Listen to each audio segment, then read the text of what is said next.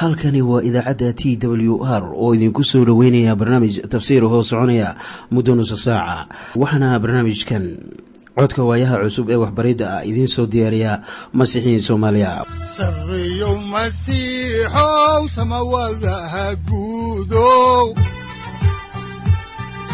Siraadkii adduunkow subanaha eebow sareyow masiixow samawadaha guudow siraadkii adduunkow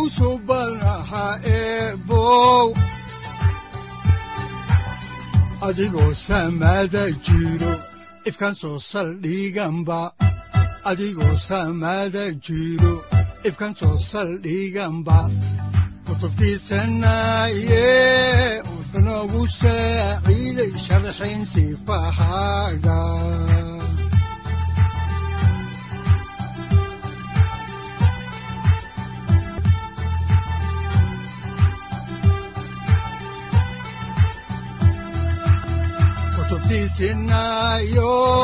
ebnagu saaciid sharxin sifahaaga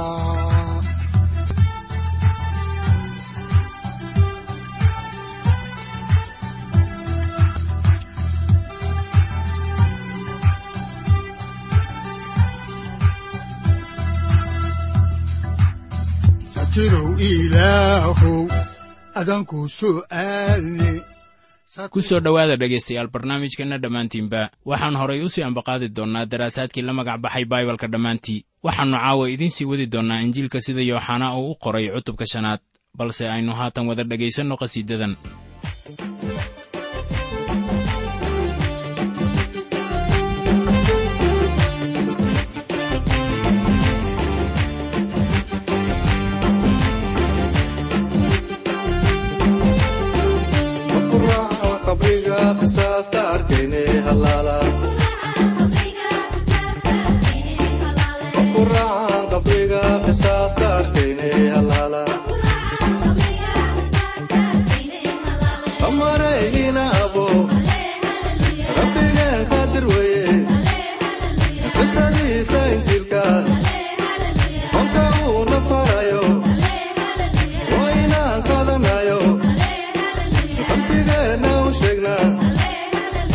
ku raacaan qabriga qisaasta arkayne halaala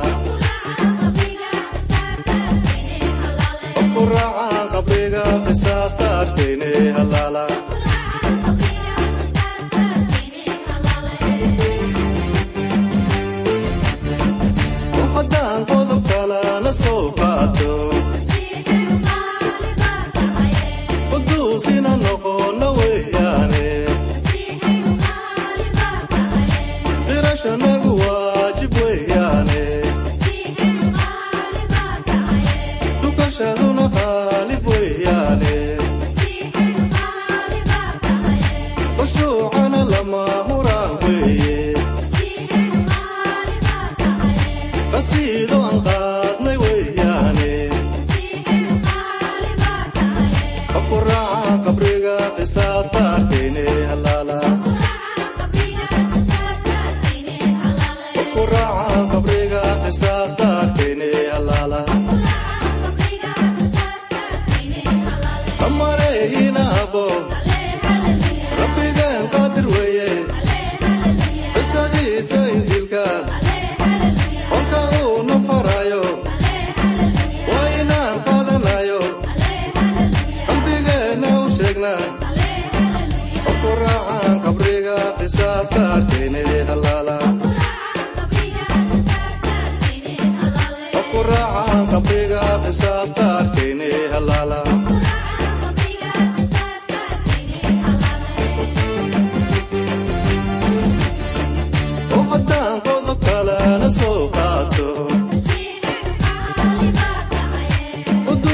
waajib wey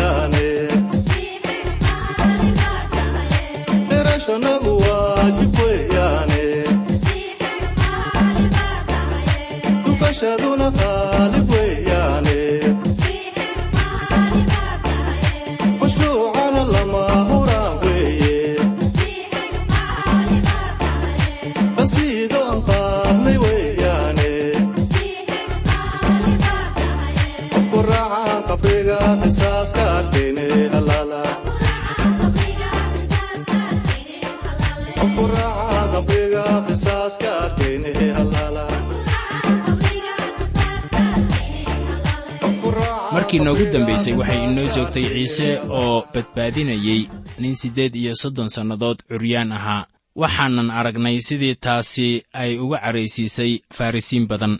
Waxaanay lahaayeen sida ku qoran injiilka sida yooxanaa uu u qoray cutubka shanaad aayadda lix iyo tobanaad oo leh sidaa aawadeed yuhuuddu ciise way silciyeen maxaa yeelay wuxuu waxyaalahaasi sameeyey sabtidii. Wixii haddaba dhacay waxay ahaayeen in sayidku uu daweeyey nin curyaan ahaa kaasoo joogay warta betsayda laakiin wuxuu nafsaddiisii ku daweeyey macbudka. Dembi ayaa ninkaasi dhibku u keenay. Markii ugu horraysay waxaa la bogsiiyey jidhkiisii dabeetana ruuxiisii ayaa la bogsiiyey. Sidaad arkaysaanna wuxuu aqoonsaday ciise dabeetana wuxuu fahmay kan uu ahaa kii bogsiiyey. Ninkan curyaanka ah wuxuu sugayey masiixa wakhti dheer isagoo eegaya wartii biyaha ahayd. Markaasoo ciise oo ah baraarkii ilaah uu u yimid ninkii ninkii curyaanka ahaana wuxuu la kulmay kii ilaah uu siiyey awoodda weyn ee ahaa ciise masiix. Tan iga yaabinaysa waxay tahay inay jireen dad badan oo joogay balballadii ciise uu ku arkay ninkan curyaanka ah inaan la badbaadin. Haddaba miyaannu ciise doonaynin inuu badbaadiyo dadkii badnaa? Jawaabtu waxa weeye haa wuu doonayaa laakiin iyagu ciise ma ayan eegin ama uma ayan soo doonan bogsiin haddaba dhacdadan ayaa keentay inay nabcaadaan ciise. Markii yooxanaa uu lahaa yuhuudda ayuu sida xaqiiqada ah uga gol lahaa hoggaamiyaashii diinta ee yuhuudda. Tanina waa arrinka ay doonayaan inay dacwad ahaan ugu soo oogaan ciise masiix oo dabeetana ay dilaan. Haddaan horay idinku sii wadno kitaabka ayaannu iminkana ka eegaynaa injiilka sida yooxanaa uu u qoray cutubka shanaad aayadda toddoba iyo tobanaad sida tan. Laakiin ciise wuxuu ugu jawaabay aabbahay tan iyo iminka ayuu shaqeeyaa aniguna waa shaqeeyaa markii ninkanu dembiga ku dhacay ayaa ciise iyo aabbihii goosteen inayan nasan maalin sabdi ah. Inkastoo ilaah maalintii toddobaad uu ka nastay axwaashii markii uu carshiga iyo dhulka abuurayey ayaa waxaa hubaal ah in markii aadan uu dembaabay aannu nasanin oo waxay ahayd sida qof dibigiisii uu ku dhacay ceel. Miyaadan ka bixiseen isla sidoo kale ilaah baa aadan abuuray oo leh wuxuuna doonayaa inuu dadkiisa dembiyadooda qaado. Haddaan horay idinku sii wadno kitaabka oo aan eegno injiilka sida yooxanaa uu u qoray aayadda siddeed iyo tobanaad waxaa qoran sida tan sidaa aawadeed ayaa yuhuudda aad ay u sii dooneen inay dilaan sababtu ma ahayn sabdidii uu jibiyey keliya laakiin waxay ahayd inuu ilaah ugu yeedhay aabbihiis iyo inuu isagu ilaah iskala mid dhigay. Nimankani kama ayan harin ciise masiix ilaa ay ku hubsadeen iskutallaabta bal haatanna aynu eegno ciise oo caddaynaya sifaalihiisa. Sayidkeenna ayaa haatan u jawaabaya oo u caddaynaya sifihiisa. Markaana aasaaska sifaalahan uu isku caddeeyey ayaa keenay inaan isticmaalno wax badan injiilka sida yooxanaa uu u qoray cutubka shanaad aayadda afar iyo labaatanaad. Markaannu dadka ku wacdiyeyno injiilka. Bal haatan sifaalihiisan uu isku caddeeyey ayaannu arkaynaa caddayntiisa koowaad. Waxaannu u leexanaynaa injiilka sida yooxanaa uu u qoray cutubka shanaad aayadda sagaal iyo tobanaad. Waxaana qoran sida tan. Haddaba ciise ayaa u jawaabay oo ku yidhi runtii runtii waxaan idinku leeyahay wiilku keli ahaantiis waxba ma samayn karo. Wuxuu arko aabbahoo samaynaya mooyaane. Wax kastoo isagu u sameeyo ayaa wiilkuna sidiisa uu u sameeyaa. Sayid ciise wuxuu haatan leeyahay isagu waa wiilka ilaah oo dadka lama sinna oo wuxuu samayn karaa wixii ilaah uu sameeyo. Haddaba waxaa taasi loo fasiranayaa in xidhiir sokeeye oo wacan uu ka dhexeeyo aabbaha iyo wiilka markaana wixii lagu eedeeyey qiimi ma lahan laakiin marnaba wiilku khilaafi maayo aabbaha aabbuhuna wiilka khilaafi maayo. Wuxuuna sameeyaa wax walba ee uu aabbuhu sameeyo waxaana ka dhexeeya xidhiir sokeeye oo aan wax lala simaa jirin. Haddaan horay idinku sii wadno xigashada injiilka ayaannu eegaynaa iminkana cutubka shanaad aayadda labaatanaad waxaa qoran sida tan waayo aabbuhu wiilkuu jecel yahay oo wuxuu tusaa wuxuu isagu sameeyo oo dhan oo wuxuu tusi doonaa shuqullo kuwan ka waaweyn inaad la yaabtaan. Caddaynta labaad ayaa imaanaysa sida ku qoran aayadda kow iyo labaatanaad oo leh sida aabbuhu kuwa dhintay uu u kiciyo uu u nooleeyo ayuu wiilkuna sidaas oo kale u nooleeyaa kuwuu doono. Haddaba ciise wuxuu bixiyaa ama keenaa nolol uu siinayo kuu doono. Haddii aabbuhu dadka u nooleeyo wiilkuna waa nooleeyaa ama dhimashada ka sara kiciyaa maanta waxaynu maqlaynaa in wax badan laga yidhi hadiyadda bogsiinta. Laakiin hadiyaddaas waxaa la socda tan dadka dhimashada looga sara kiciyo. Waxay ahayd hadiyadii rasuullada ee bogsiinta iyo sarakicinta kuwii dhintay. Wixii la tegay rasuullada oo iyaga dabadooda hadiyaddaasi lama arag. Sayid ciise wuxuu dadka ka sara kicin jiray dhimashada taana waxaa sabab u ahayd rabbaaninimadiisa laakiin raggii kale ee rasuullada ahaa waxay bogsiinta ku samayn jireen magaca sayidka. Caddayntii saddexaad ayaa ku qoran injiilka sida yooxanaa uu u qoray cutubka shanaad aayadda laba iyo labaatanaad oo leh aabbuhu ninnama xukumo laakiin xukunka oo dhan wuxuu siiyey wiilka. Cilmiyan qoraalku sidan buu u dhigmayaa. Weliba aabbaha cidnama xukumo wuxuuse xukunkii ku wareejiyey wiilka. Waxaad haddaba heli kartaa nolol haddii aad maqasho hadalladiisa oo aad rumaysato. Maxaa taasi sabab u ah? Waxaa taa sabab u ah sayidku wuxuu sameeyaa waxa ilaah uu sameeyo waayo wuxuu dadka ka kiciyaa dhimashada. Welibana wuxuu xukumi doonaa dadka oo dhan maalin maalmaha ka mid ah haddii ay lumeen iyo haddii la badbaadiyey waxay ka hor muuqan doonaan ciise masiix. Kuwa ilaah rumaystay hortiisa ayay imaan doonaan yowmatul xisaabka. Marka ciise uu ku fadhiyo kursigiisa xukuumadda markaasoo qof waliba loogu abaalgudayo sidii shuqulladiisu ay ahaayeen. Haddii aad doonayso inaad taasi wax ka ogaato waxaad eegtaa warqaddii labaad ee rasuul bawlos uu u qoray dadka korintos cutubka shanaad aayadda tobanaad. Kuwa lumayna waxay soo hor istaagi doonaan masiixa iyagoo jooga carshiga cad. Sida ku qoran kitaabka muujintii cutubka labaatanaad aayadda kow iyo tobanaad. Waxaad xusuusataa in sayidku aanu markii ugu horraysay u imaanin inuu wax xukumo laakiin wuxuu marka xiga ee uu imaanayo u imaan doonaa sida xaakin oo kale oo xukun oo dhan isagaa loo dhiibay. Ciise wuxuu isla simay ilaah taana kuma tirin inay tahay boobis laakiin uu ismariyey haddaan horay idinku sii ambaqaadno kitaabka ayaannu eegaynaa injiilka sida yooxanaa uu u qoray cutubka shanaad aayadda saddex iyo labaatanaad waxaana qoran sida tan in dadka oo dhammu wiilka murweeyo siday aabbaha u murweeyaan. Kii aan wiilka murweyn ma murweeyo aabbaha soo diray. Taas waxaa aasaas u ah saddexdii caddaymood oo ahaa saddex qaynuun. Waxaannu mar kale bixinaynaa warbixin caaqibo leh oo ku qoran aayadda afar iyo labaatanaad ee isla cutubkan shanaad ee injiilka sida yooxanaa uu u qoray waxaana aayaddan loo isticmaalaa howlo shakhsi ah maanta. Way hagaagsan tahay inaan sidaasi u isticmaalno laakiin waxaan u baahannahay inaan xusuusanno saddexdii kale ee caddaymood ee aannu ku soo aragnay aayadaha sagaal iyo toban kow iyo labaatan ilaa laba iyo labaatan. Iminkana aynu eegno aayadda afar iyo labaatanaad waxaana qoran sida tan runtii runtii waxaan idinku leeyahay kii hadalkayga maqla oo rumaysta kii i soo diray wuxuu leeyahay nolosha weligeed ah. Xukunno geli maayo laakiin dhimashadii ayuu ka soo gudbay oo nolosha u soo gudbay.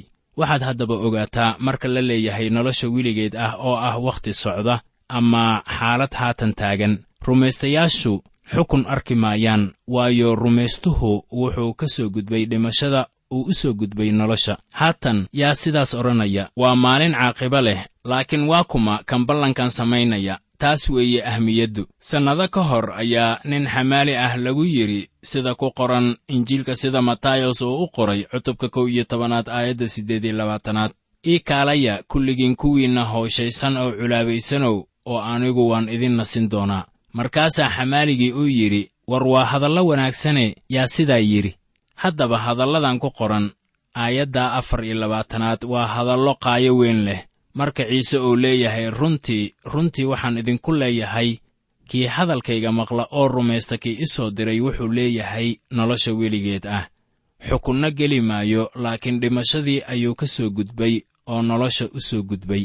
Haddaba yaa hadalladan yidhi waxaa hadallada laga soo wariyey ciise masiix qudhiisa kuwaasoo aasaas looga dhigay waxa ku qoran aayadda sagaal iyo tobanaad iyo aayadda kow iyo labaatanaad iyo tan laba iyo labaatanaad. Kan uu yahay ayaa hadalladan inooga dhigaya kuwa qiimi weyn inoo leh. Ciise masiix oo wacdigiisii sii wata ayaa leh sida ku qoran cutubka shanaad aayadaha shan iyo labaatan ilaa siddeed iyo labaatan sida tan.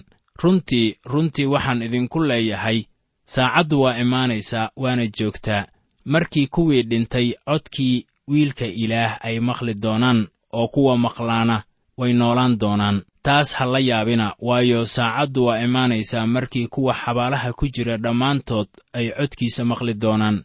Haddaba muxuu ula jeedaa markaad eegto aayadda shan iyo labaatanaad markaasoo uu lahaa saacaddu way imaanaysaa waana joogtaa waxaannu ku jirnaa wakhtiga saacaddu ay imaanayso. Aayadda siddeed iyo labaatanaad ayaa caddaynaysa oo saacaddu weli ma imaanin laakiin saacaddu way imaanaysaa. Gooray timaadaba ujeeddada oo dhan waxa weeye inaan nool nahay wakhti ama qarni amase maalin aynu ku sii soconno. Marka kuwa dhintay ay maqli doonaan codka wiilka ilaah oo kuwa maqlaa way noolaan doonaan. Haddii aynu fiirinno wakhtiga ay saacaddu imaanayso maxay haddaba ka micno tahay markuu leeyahay? Waana joogtaa. Waa kuwama kuwa dhintay ee maqli doona codkiisa maanta. Markaan soo gaarnay yooxanaa cutubka kow iyo tobanaad oo ay ku qoran tahay dhacdadii ciise dhimashada uu kaga sara kiciyey kuwii dhintay waxaad xusuusan doontaan inuu labadii gabdhood ku yidhi markii laazaros uu dhintay sida ku qoran cutubka kow iyo tobanaad aayadaha shan iyo labaatan ilaa lix iyo labaatan oo leh anigu waxaan ahay sarakicidda iyo nolosha kii i rumaystaa in kasta uu dhinto wuu noolaan doonaa kii kasta oo nool oo i rumaysta weligii ma dhiman doono. Waxaan ma rumaysan tahay. Marka la leeyahay in kastoo uu dhinto miyay ka micno tahay qofka qabriga ku jira inuu maqlayo? Maya. Maya taasu waxay ka micno tahay dhimashada ruuxa. Haddaba dhimashada waxaa lagu sifayn karaa kala dhaqaaqa ku yimid qofka dhintay iyo ilaah. Haddaba saacaddu way imaanaysaa. Marka kuwa qabuuraha ku jira ay maqli doonaan codkiisa oo ay noolaan doonaan waana joogtaa marka kuwa xagga ruuxa ka dhintay ay maqli doonaan codkiisa oo ay noolaan doonaan. Bawlos oo reer efesos u qoraya ayaa leh waxaad ku dhimateen xadgudubyadiinna iyo dembiyadiinna taasina waa xaaladda ruux ahaaneed ee qof waliba. Laakiin waxaa qoran kii hadalkayga maqla oo rumaysta kii i soo diray wuxuu leeyahay nolosha weligeed ah. Xukunna geli maayo laakiin dhimashadii ayuu ka soo gudbay oo nolosha u soo gudbay waana nolosha uu dadka siiyo. Markaana aayadda shan iyo labaatanaad iyo tan siddeed iyo labaatanaad wuxuu ka hadlayaa wax ku saabsan laba dhacdo oo kala durugsan. Wuxuu leeyahay waana joogtaa marka masiixu dadka uu siinayo nolosha ruuxa. Saacaddu way imaanaysaa marka uu kuwa dhintay ka sara kicin doono qabriga. Haddaan horay idinku sii wadno injiilka cutubka shanaad aayadaha lix iyo labaatan ilaa toddoba iyo labaatan ayaa waxay qorayaan sida tan sida aabbuhu nolol isugu leeyahay sidaasuu wiilku u siiyey inuu nolol isugu lahaado. Wuxuu siiyey amar uu wax ku xukumo maxaa yeelay waa wiilka aadanaha. Marka ay sidaan tahay sayid ciise waa mid nolol bixiya soo arki maysid. Ma ahan keliya inuu nolol leeyahay laakiin waxa weeye in isagu uu bixiyo nolosha. Wuxuu kaloo leeyahay xaqa ah inuu xukun bixiyo wuxuu u yimid markii u horraysay sida badbaadiye umase imaanin sida xaakin laakiin marka dambe oo uu yimaado wuxuu u imaanayaa sida xaakin. Wakhtigaas kuwa qabriga ku jira ayaa maqli doona codkiisa. Haddaan horay idinku sii wadno kitaabka ayaannu eegaynaa iminkana. Injiilka sida yooxanaa uu u qoray cutubka shanaad aayadaha siddeed iyo labaatan ilaa sagaal iyo labaatan. Waxaana qoran sida tan taas ha la yaabina waayo saacaddu waa imaanaysaa markii kuwa xabaalaha ku jira dhammaantood ay codkiisa maqli doonaan wayna ka soo bixi doonaan. Kuwa wanaagga falay ilaa sarakicidda nolosha kuwa sharka falayna ilaa sarakicidda xukunka. Haddaba waxaa halkan la adkaynayaa inuu jiro xukun. Waxaa la sheegay inay jiraan laba qaybood oo sarakicid ah. Kitaabka muujintii ayaa aad inoogu sharaxaya. Wuxuuna faallo ka bixinayaa dhammaystirka sarakicidda koowaad sida ku qoran muujintii ciise masiix oo yooxanaa loo muujiyey cutubka labaatanaad aayadaha afar ilaa lix. Sarakicidda labaadna waxay ku qoran tahay isla kitaabka muujintii cutubka kow iyo tobanaad aayadaha kow iyo toban ilaa shan iyo toban. Haddaba sarakicidda koowaad waa sarakicidda kuwa badbaaday oo dhan waxaana u horraynaya qaybteeda koowaad oo ah marka hawada lagula kulmayo masiixa. Kulanka hawada waxaa ka hadlay rasuul bawlos isagoo waraaq u qoraya reer tesalonika qaybteeda koowaad cutubka afaraad aayadda toddoba iyo tobanaad waxaa ku qoran sida tan dabadeedna kuweenna nool oo hara ayaa iyaga kor loola qaadi doonaa daruuraha dhexdooda inaynu rabbiga hawada kula kulanno oo sidaasaynu rabbiga weligeen ula joogi doonnaa haddaba kulanka hawada wuxuu imaanayaa mustaqbalka wakhti lama sheegin welibana wax calaamad ah oo laynoo sheegay ma leh. Mar kasta ayaa la malaysanayaa in sayidka hawada lagula kulmayo. Wuxuu marka hore dunidan uga yeerayaa kuwiisii ha ahaadeen kuwa dhintay ama kuwa nool. Taasina waa qayb ka mid ah sarakicidda koowaad. Dabeetana wakhtiga dhibka weynuu jiro dad badan ayaa la dili doonaa oo waxay u dhimanayaan sida naftihurayaal waxaa kuwaasi la sarakicin doonaa marka wakhtiga dhibka weynu uu yimaado iyadoo ay la socdaan nebiyadii axdigii hore iyo kuwii ilaah ka cabsan jiray. Taasuna waxay qayb ka noqonaysaa sarakicidda koowaad. Waxaa dadkaasi loo sarakicinayaa inay weligood ku noolaadaan dunidan. Haddaba taasu waa sarakicidda koowaad waana tan uu sayidkeennu ugu yeedhay sarakicidda nolosha. Waxaa taasi ku xigaya sarakicidda xukunka oo ah marka dadku ay ka hor muuqanayaan carshigan weyn ee cad. Halkaasoo kuwa aan badbaadin ee qarni waliba noolaa ay xukun u soo istaagi doonaan. Waxay doonayaan in shaqadooda loo eego xukunkooda. Sidaas bayna ahaanaysaa. Waxay ka hor muuqan doonaan kan caadilka ah oo xaqa ah. Waxay helayaan fursad ay ku hor yimaadaan ilaaha quduuska ah oo ay kiisaskooda kaga hor sheegaan. Laakiin ilaah horay buu ugu digey markaana hormadan laga heli maayo mid la badbaadiyey. Waxaa halkan laysugu keenay kuwii lumay waxaana loo xukumayaa sida hawshoodu ay tahay. Waayo waxaa jira derajo ay leedahay ciqaabtan. Waxaa wanaagsan inaan isla eegno injiilka sida luukas uu u qoray cutubka laba iyo tobanaad aayadaha afartan iyo toddoba ilaa afartan iyo siddeed waxaana qoran sida tan. Addoonkaas ogaa doonista sayidkiisa oo aan diyaar garayn oo aan yeelin sidii doonistiisu ahayd wax badan waa la garaaci doonaa laakiin kii aan ogayn oo yeelayse wixii garaacid istaahila wax yar baa la garaaci doonaa. Mid kasta oo wax badan la siiyey wax badan ayaa laga dooni doonaa oo kan wax badan loo sii dhiibtay wax ka badan ayaa la weyddiisan doonaa. Haddaba sidaas aad aragteen buu ahaan doonaa xukunka oo waxaa jiraya heerar xukunku uu yeelanayo. Haddaan horay idinku sii ambaqaadno kitaabka axdiga cusub oo aan eegno amaba u soo leexanno cutubka shanaad ee injiilka sida yooxanaa uu u qoray aayadda soddonaad ayaa waxa ay qoraysaa sida tan. Waxba keli ahaantayda ma samayn karo sidaan wax u maqlo ayaan u xukumaa. Xukunkayguna waa xaq waayo doonistayda ma doono waxaanse doonaa doonista kii i soo diray. Ciise wuxuu leeyahay waxba keli ahaantayda ma samayn karo taasina waxay noqonaysaa xadidnaanta la saaray markii uu dunidan yimid oo uu qaatay jidhka bini'aadan. Wuxuu halkan u yimid sida dad isagoo aan ku imaanin doonistiisa laakiin ku yimid doonista aabbihiis taasina tusaale ayay inoo tahay innaga maanta. Aniga iyo adigaba waxbaa ina saaran waana dabeecaddii hore taasoo aan ilaah mudiic u ahayn. Innagu ilaah mudiic uma nihin waayo waxaynu bilxaqiiqa ka hor imaadsannahay ama aan caasi ku nahay ilaah. Taasina waa dabeecadda qof waliba. Waa sababtii sayidkeenna uu ugu yidhi nikodemos waa inaad mar kale dhalataa.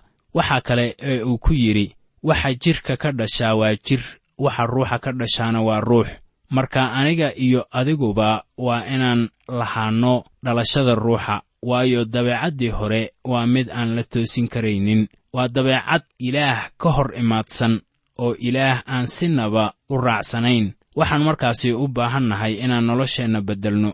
Haatan sayidkeennu wuxuu doonayaa inuu markhaati cad u keeno hadalladiisa ama caddaymihiisa inay run ahaayeen si bal aynu taasi wax kaga ogaanno ayaannu eegaynaa injiilka sida yooxanaa uu u qoray cutubka shanaad aayadaha kow iyo soddon ilaa laba iyo soddon.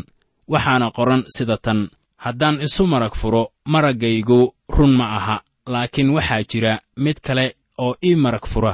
Waanan ogahay maragguu ii furaa inuu run yahay. Qorniinku wuxuu ina barayaa in laba ama saddex qof laga doonayo markhaatiga. Halkan waxaa ku qoran haddaan isu marag furo maraggaygu run ma ahan. Laakiin waxaa jira mid kale oo ii marag fura. Waanan ogahay maraggii uu ii furaa inuu run yahay. Haddaba kan markhaatiga ah ee uu halkan ku sheegayo ma ahan yooxanaa baabtiisaha. Waxay kula noqonaysaa inuu yooxanaa ka wado laakiin wuu caddaynayaa inuuna ka wadin maragga qof bini'aadan ahi uu siinayo isaga waxaanan eegaynaa aayadda soddon iyo saddexaad oo leh waxaad cid u dirteen yooxanaa wuuna u marag furay runta. Haddaan caawa halkan ku ekayno ayaannu filaynaa inaad garateen nuxurka casharkan caawa. Nuxurku wuxuu ahaa hadalladii ciise masiix. Markii uu lahaa runtii runtii waxaan idinku leeyahay kii hadalkayga maqla oo rumaysta kii i soo diray. Wuxuu leeyahay nolosha weligeed ah. Xukunno geli maayo laakiin dhimashadii ayuu ka soo gudbay oo nolosha u soo gudbay. Waxaan filayaa inaad go'aan gaarteen caawaba laakiin waxaan dhegaystayaashayada u sheegaynaa inayan marnaba la noqonin in masiixinimadu ay tahay meel maal adduun laga soo raadiyo. Laakiin waa meel aqoonta ruuxa iyo mid adduunyaba ay taallo. Waxaad wax badan ka baranaysaa kitaabkan baibalka oo aqoontiisu ay baahsan tahay oo ay dhaafsiisan tahay kitaab waliba oo dunida yaalla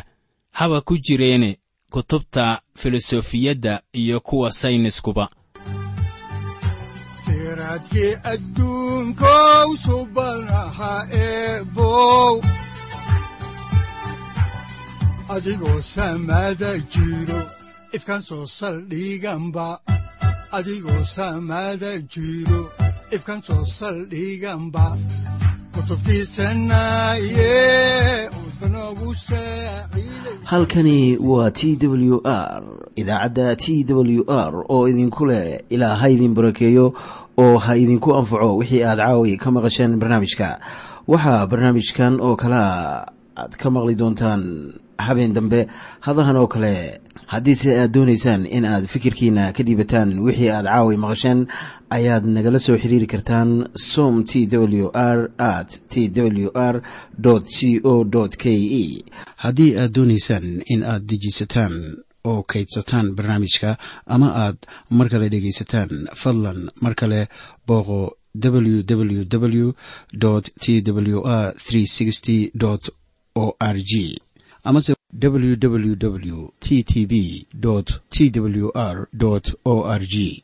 Amase waxaad teleefoonkaaga ku kaydsataa ama ku download garaysataa agabyada ku sahli karaa dhegeysiga t w r haddii aad doonayso in laga kaalmeeyo dhinacyada fahamka kitaabka amase aad u baahan tahay duco fadlan fariimahaaga soo mari bogga aaraahda ama kommentska inana jawaab degdeg ah ayaanu ku soo diri doonaa amase ku siin doonaaye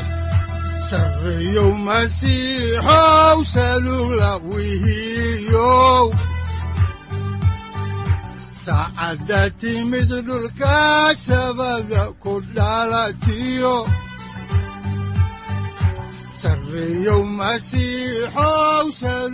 halkani waa t w r oo idiin rajaynaya habeen baraare iyo barwaaqaba leh. Inta aynu ka gaari doono wakhti aynu ku kulanno barnaamij la mida kan caawayay aad maqasheen. Waxa aan idinku leeyahay nabadda ciise masiix ha idinku badato xagga jidhka iyo ruuxaba. Aamiin